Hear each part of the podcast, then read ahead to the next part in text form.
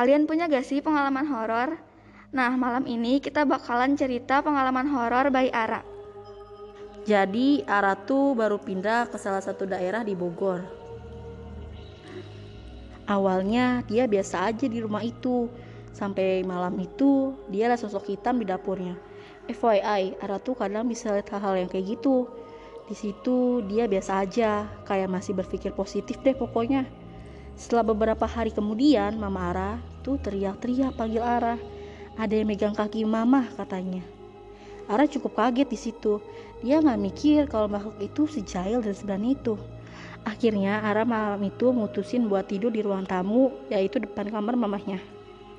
Semuanya berjalan aman aja tuh. Sampai adiknya nangis kejer. Di situ Ara punya adik ya. Umurnya sekitar 8 bulan waktu itu, masih kecil banget kan? Ra yang tidur di ruang tamu jelas bisa lihat langsung ke adiknya yang lagi tidur. Di situ Ara lihat ada sosok yang terbang menjauh dari adiknya.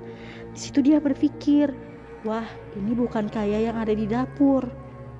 Paginya Ara langsung bilang ke mamahnya, mah bersih-bersih yuk, bersihin rumah, buang barang-barang yang udah gak guna.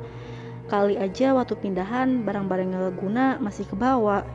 Di situ mamanya mengiyakan keinginan Ara.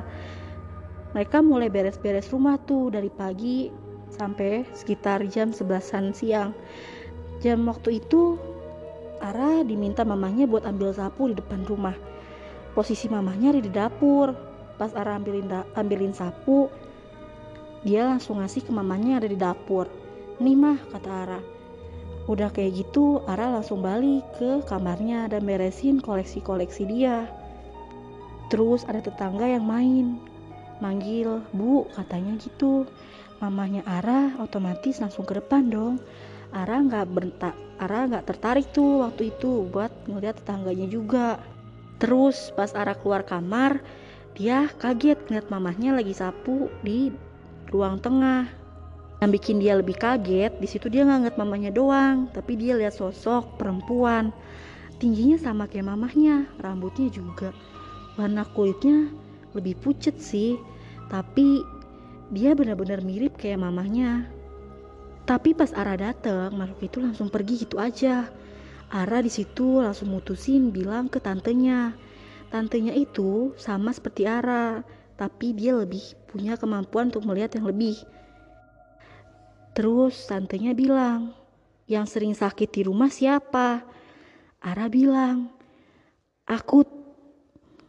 Terus tantenya nanya, kamu sakit apa? Lambung aku sakit. Aku juga setiap malam sesak napas. Kayak kayak ditindihin. Susah deh pokoknya buat napas kak, kata kata Ara gitu.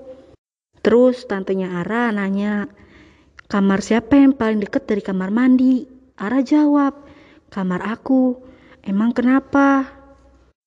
Ternyata malam sebelumnya tantenya Ara dikasih penglihatan dalam mimpi. Dia didatengin makhluk yang Ara lihat waktu itu. Cewek yang sama kayak mamahnya. Ternyata makhluk itu ada di kamar mandi Ara. Dia bingung. Kenapa cewek itu ada di situ? Cewek itu dipenuhin, dipenuhin air Ara bingung pas tantenya cerita kayak gitu. Makhluk ini kenapa? Apakah tenggelam matinya? Di situ tantenya Ara ngeliat cewek itu cantik banget. Tapi pas sudah deket, tante Ara langsung lihat wajah aslinya. Serem banget, banyak darahnya. Mukanya hancur. Pas tante Ara sadar dari mimpinya, ternyata makhluk itu ada depan dia. Kaget. Itu yang tante Ara rasain pertama kali. Untungnya ada anak Tante Ara yang bisa bantuin Tante Ara buat sadar. Terus Tante Ara langsung bilang ke Ara, jangan biarin mama kamu bengong, apalagi kamu. Sering sholawat, sholat, serta ngaji ya di rumah itu. Di situ Ara langsung engeh, oh aku berarti sakit-sakitan karena dia. Di situ Ara mikir, dia nggak boleh bengong dia harus selalu solawatan terus dia langsung ngasih tau mamahnya mah jangan bengong jangan suka mikir yang aneh-aneh isi terus pikiran mama solawatan zikir sama sholat yang rajin. Kalau lagi sendiri itu jangan suka bengong. Isi pikiran kalian dengan hal-hal yang positif selalu ya. Mungkin sampai sini dulu ya podcast kita kali ini. See you next week ya. Stay safe, fellas.